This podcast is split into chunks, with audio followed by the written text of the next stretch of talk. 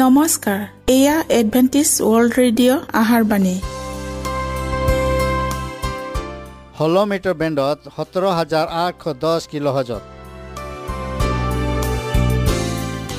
Adventist World Radio যোগে অসমীয়া ভাষাত প্ৰচাৰিত আহাৰবাণী প্ৰত্যেক বুধবাৰ আৰু দেওবাৰ সন্ধিয়া সাত বজাত আহাৰবাণী শুনাৰ পিছত আপোনালোকৰ কিবা মন্তব্য আৰু প্ৰশ্ন থাকিলে আমালৈ এই ঠিকনাত লিখক। আমাৰ ঠিকনাটি হৈছে Adventist World Radio' Seven Day Adventist মণ্ডলী অসম শাখা লতাকাটা বশিষ্ট গুৱাহাটী সাত আঠ এক শূন্য দুই ন।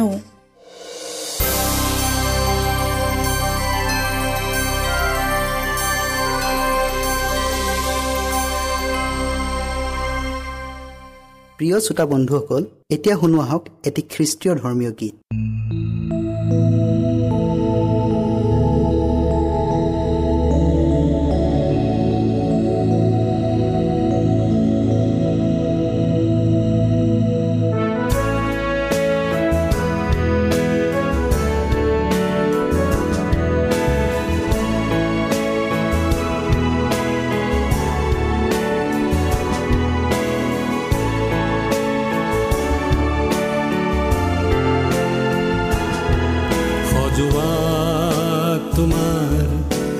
হৃদয়খন সজোৱা তোমাৰ। হৃদয়খন যিচুৰ প্ৰেমেৰে যিচুৰ বাক্যেৰে যিচুৰ প্ৰেমেৰে যিচুৰ বাক্যেৰে সজোৱা তোমাৰ। হৃদয়খন সজোৱা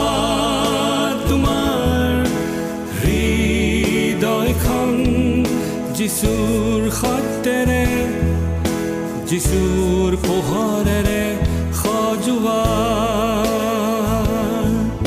যিচুৰ সত্যেৰে যিচুৰ পোহৰেৰে সজোৱা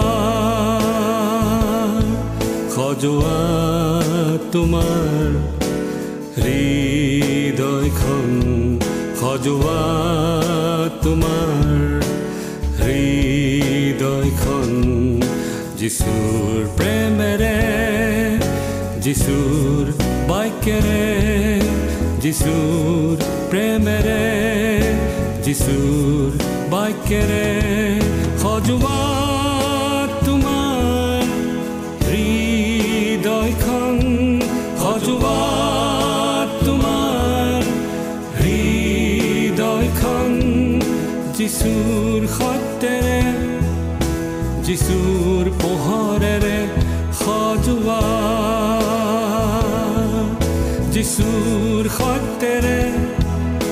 যিচুৰ পোহৰেৰে সজোৱা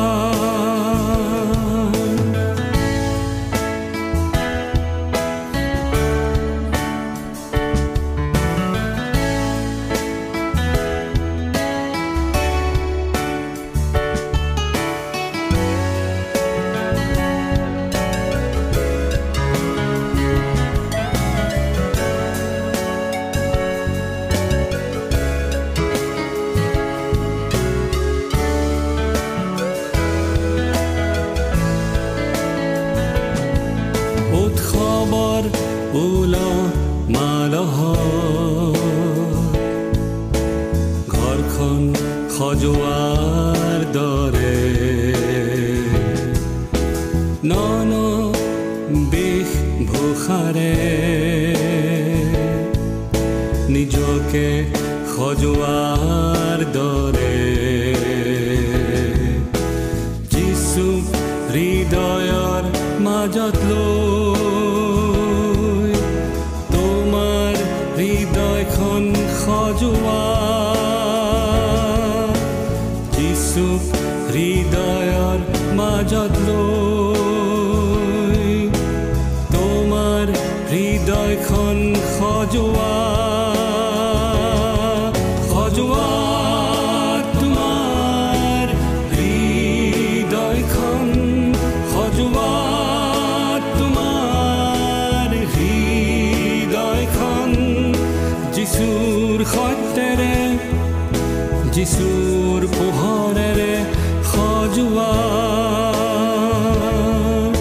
যিচুৰ সত্যেৰে যিচুৰ পোহৰেৰে সজোৱা যিচুৰ সত্যেৰে যিচুৰ পোহৰেৰে সজোৱা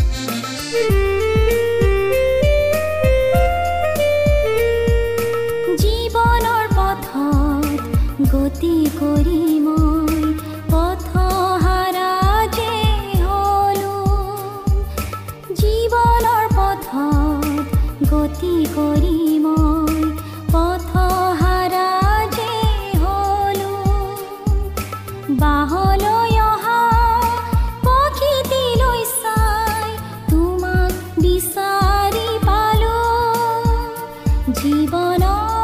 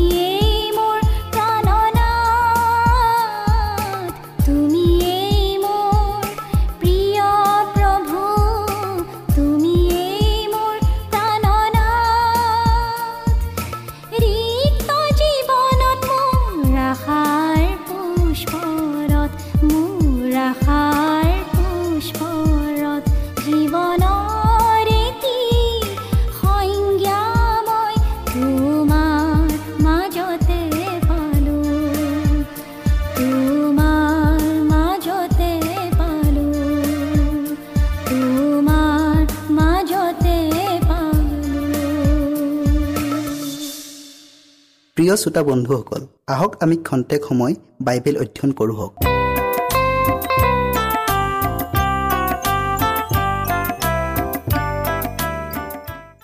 আজি আমি অন্তিম দিনত নিজকে কেনে সাজু কৰিব লাগে ইয়াৰ বিষয়ে অধ্যয়ন কৰোঁ হওক। বাইবেল পদটি লোৱা হৈছে আমোচ চাৰি অধ্যায়ৰ বাৰ পদ। হে ইজৰাইল তুমি তোমাৰ ঈশ্বৰৰ লগত সাক্ষাৎ কৰিবলৈ যুগুত হোৱা। আমি প্ৰাৰ্থনা কৰি লওঁ হওক। সেই কৰোণাময় ঈশ্বৰ যি হোৱা ধন্যবাদ প্ৰভু তোমাৰ প্ৰেম আৰু আশীৰ্বাদৰ বাবে। তুমি যেনেকৈ আমাৰ লগত দিনেই ৰাতিয়ে আছে ঠিক তেনেদৰে এতিয়াৰ বিশেষ সময়তো তুমি আমাৰ লগত থাকা। প্ৰভু পবিত্ৰ আত্মাৰ যোগেদি সকলো শ্ৰোতাৰ হৃদয়খন স্পৰ্শ কৰি দিয়া। যীশুৰ নামত খুজিলোঁ। আমেন। ধৰি লওক মেঘ ৰথেৰে খ্ৰীষ্ট আজিয়েই নামি আহিল। তেন্তে তেওঁক সাক্ষাৎ কৰিবলৈ কোন কোন সাজু আছে বাৰু? ধৰি লওক বৰ্তমান আমি যেনে অৱস্থাত আছোঁ তেনে অৱস্থাতে আমাক স্বৰ্গলৈ তুলি নিয়া হ'ল। তেতিয়া ঈশ্বৰৰ সাধু সন্তসকলৰ লগত মিলিত হ'বলৈ নিজকে প্ৰস্তুত কৰিব পাৰিমনে? ৰাজকীয় পৰিয়ালৰ লগত একতাৰে বসবাস কৰিব পাৰিমনে? স্বৰ্গীয় ৰজাজনৰ সন্তানসকলৰ লগত থকাৰ সাহস হ'বনে? সোধ বিচাৰৰ আপুনি কি উত্তৰ দিব? ঈশ্বৰৰ সৈতে শান্তিৰ চুক্তি কৰিলেনে? ঈশ্বৰৰ সৈতে আপুনি কাম কৰি আছেনে? আপোনাৰ চাৰিওফালে থকা লোকসকলক আপোনাৰ ঘৰত থকা মানুহখিনিক আপোনাৰ প্ৰতিবেশীসকলক ঈশ্বৰৰ বিধান পালন নকৰা যিবিলাক মানুহৰ লগত আপোনাৰ সম্বন্ধ আছে সেইসকল মানুহক আপুনি সহায় কৰিবলৈ ইচ্ছা কৰিছেনে? ৰজাৰো ৰজাজনক সাক্ষাৎ কৰিবলৈ আপুনি সাজু হৈ আছেনে? আমাৰ বৰ্তমানৰ এই অৱস্থাটোক লৈয়ে যদি আমি স্বৰ্গত যোৱাটো সম্ভৱ হয় তেন্তে আমাৰ মাজৰ কিমানেই ঈশ্বৰক চাবলৈ সমৰ্থ হ'ব? আমাৰ মাজত কিমানেই বাৰু বিয়াৰ সাজ আছে? আমাৰ মাজৰ কিমানৰ গাত দাগ নাই সুতৰা সুতুৰি অথবা তেনেকুৱা ধৰণৰ মলিনতা নাই। আমাৰ মাজৰ কিমানেই বাৰু জীৱনৰ কীৰ্তি পোৱাৰ যোগ্য হ'ব। প্ৰিয় শ্ৰোতাসকল পদ মৰ্যাদাই মানুহ নবনায়। সেয়া কেৱল মাত্ৰ যীশুখ্ৰীষ্ট যি আমাৰ ভিতৰত থাকি আমাক আচল মানুহ ৰূপে গঢ়ি তোলে। আৰু মাৰ উজ্জ্বলতা ম্লান পৰি নাযায় তেনে জীৱনৰ কীৰ্তি পোৱাতকৈ যজ্ঞবান কৰে। পৃথিৱীৰ অৱশিষ্ট লোকবিলাকক আঙুলিয়াই দেখুওৱা হৈছে। স্বৰ্গদূতগণে সিহঁতৰ উদ্দেশ্য এইদৰে কৈছে তোমালোকে সেই অন্তিম সাতটা উৎপাতৰ পৰা হাত সাৰিব বিচাৰানে? যদি বিচাৰা তেন্তে তোমালোকে জীৱন লাভ কৰিবলৈ মৰিব লাগিব। সাজু হোৱা সাজু হোৱা সাজু হোৱা। বৰ্তমানতকৈ বহু গুণ উচ্চ মানৰ প্ৰস্তুতিৰে তোমালোক প্ৰস্তুত হ'ব লাগিব। সকলোকে ঈশ্বৰৰ হাতত সমৰ্পণ কৰিব লাগিব। সকলোকে তেওঁৰ বেদীৰ ওপৰত উৎসৰ্গ কৰিব লাগিব। নিজ আত্মা সা সম্পত্তি আৰু সৰ্বোচ্চ জীৱন্ত ৰূপে বলিদান দিব লাগিব। এইবোৰে গৌৰৱৰ ৰাজ্যত প্ৰৱেশ কৰাত আপোনাক সহায় কৰিব। কৃষ্টই ক্ষমতা আৰু মহাপ্ৰতাপেৰে আহি আছে। তেওঁ নিজ মহিমা আৰু পিতৃৰ মহিমা লগত লৈ আহি আছে। যেতিয়া তেওঁৰ প্ৰতাপ আৰু মহিমা সহ্য কৰিব নোৱাৰি দুষ্ট আৰু অধাৰ্মিকসকল তেওঁৰ ওচৰৰ পৰা পলাব। তেতিয়া কৃষ্টৰ অনুসৰণকাৰীসকলে আনন্দত উল্লাস কৰিব।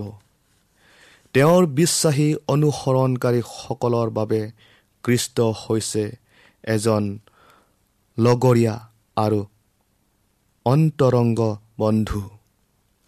তেওঁবিলাকে তেওঁৰে সৈতে অতি নিবিড়ভাৱে বাস কৰিছিল আৰু ঈশ্বৰৰ সৈতে নিতৌ সম্বন্ধ ৰাখিছিল। তেওঁবিলাকৰ ওপৰত প্ৰভুৰ গৌৰৱ পৰিব। এতিয়া সিহঁতে জয় পৰি নোযোৱা উজ্জ্বলতাৰ পোহৰৰ ৰশ্মিত আৰু সৰ্বোচ্চ শক্তিমান ৰজাজনৰ গৌৰৱত আনন্দ কৰিব। স্বৰ্গৰ লগত নিজকে মিলাই ল'বলৈ সিহঁতে নিজকে প্ৰস্তুত কৰিলে। কাৰণ সিহঁতৰ অন্তৰতে সিহঁতৰ হৃদয়তে এক ক্ষুদ্ৰ স্বৰ্গ আছে।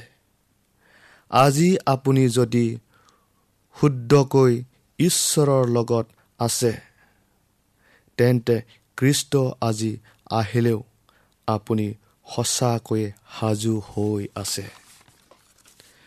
মাৰ্ক ষোল্ল অধ্যায়ৰ পোন্ধৰ পদটো আমি আকৌবাৰ চাওঁ হওক।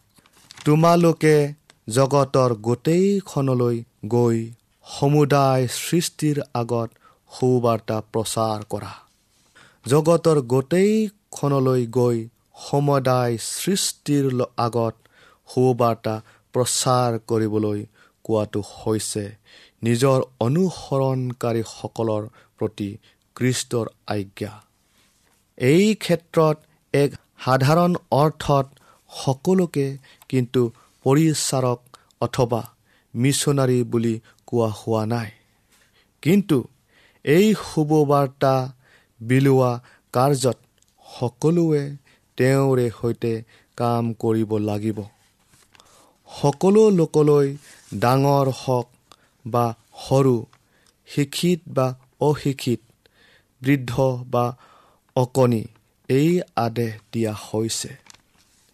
বৰ্তমান সময়ৰ সত্যতাক যিসকলে জানে তেওঁবিলাকৰ প্ৰত্যেকজনৰ ওপৰত এই দায়িত্ব পৰিছে। যাতে যি সত্যতাক তেওঁবিলাকে জানিছে সেই সত্যতাক যেন আনকো কোৱা হয়। জগতৰ পৰিত্ৰাণ আৰু মংগল কাৰ্যৰ বাবে বহুতো দায়িত্ব কৃষ্টৰ দাস দাসীসকলৰ কাণ্ডৰ ওপৰত পৰিছে।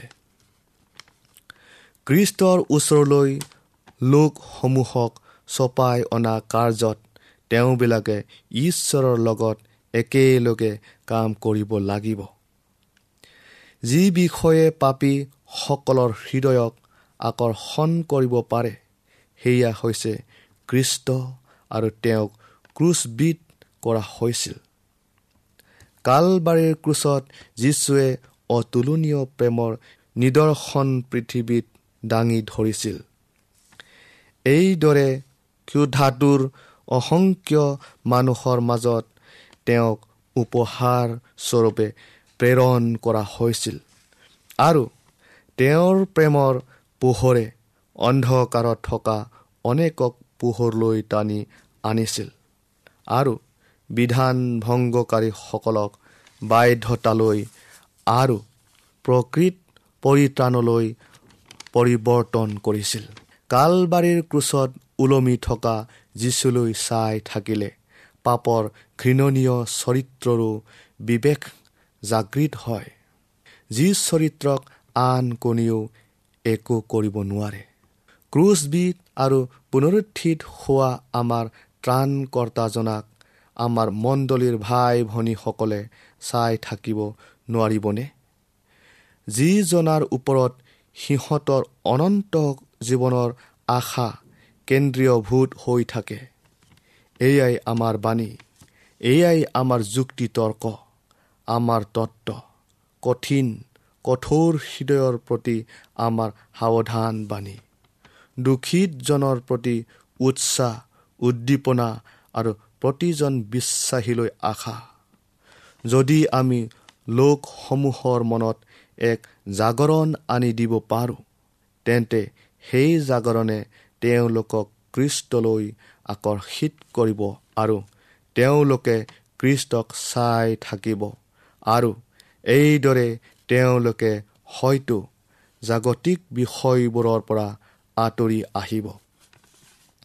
গতিকে ঈশ্বৰৰ মেৰ পোৱালিলৈ সদায় দৃষ্টি কৰিবলৈ তেওঁবিলাকক কোৱা।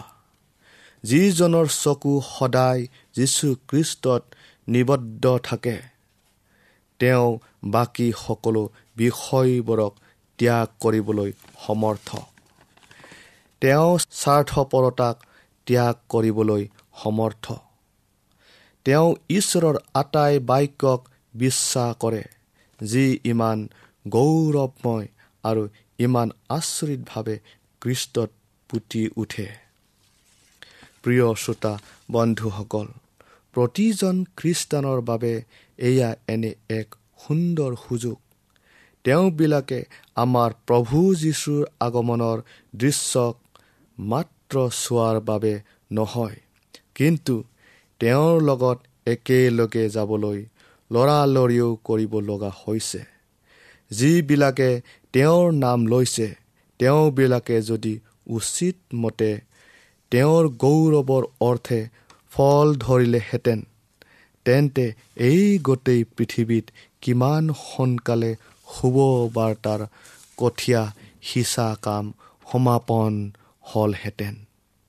অতি সোনকালে সেই নমলীয়া খেতিডৰাও পকিলেহেঁতেন আৰু সেই খেতিৰ মূল্যৱান শস্য গোটাবলৈ কৃষ্টয়ো আহিলেহেঁতেন। প্ৰিয় শ্ৰোতাসকল সেই গতিকে আহোঁহক আমি কৃষ্টৰ সুবাৰ্তা জনাবলৈ নিজকে সাজু কৰোঁ হওক। ঈশ্বৰে আপোনালোকক আশীৰ্বাদ কৰক।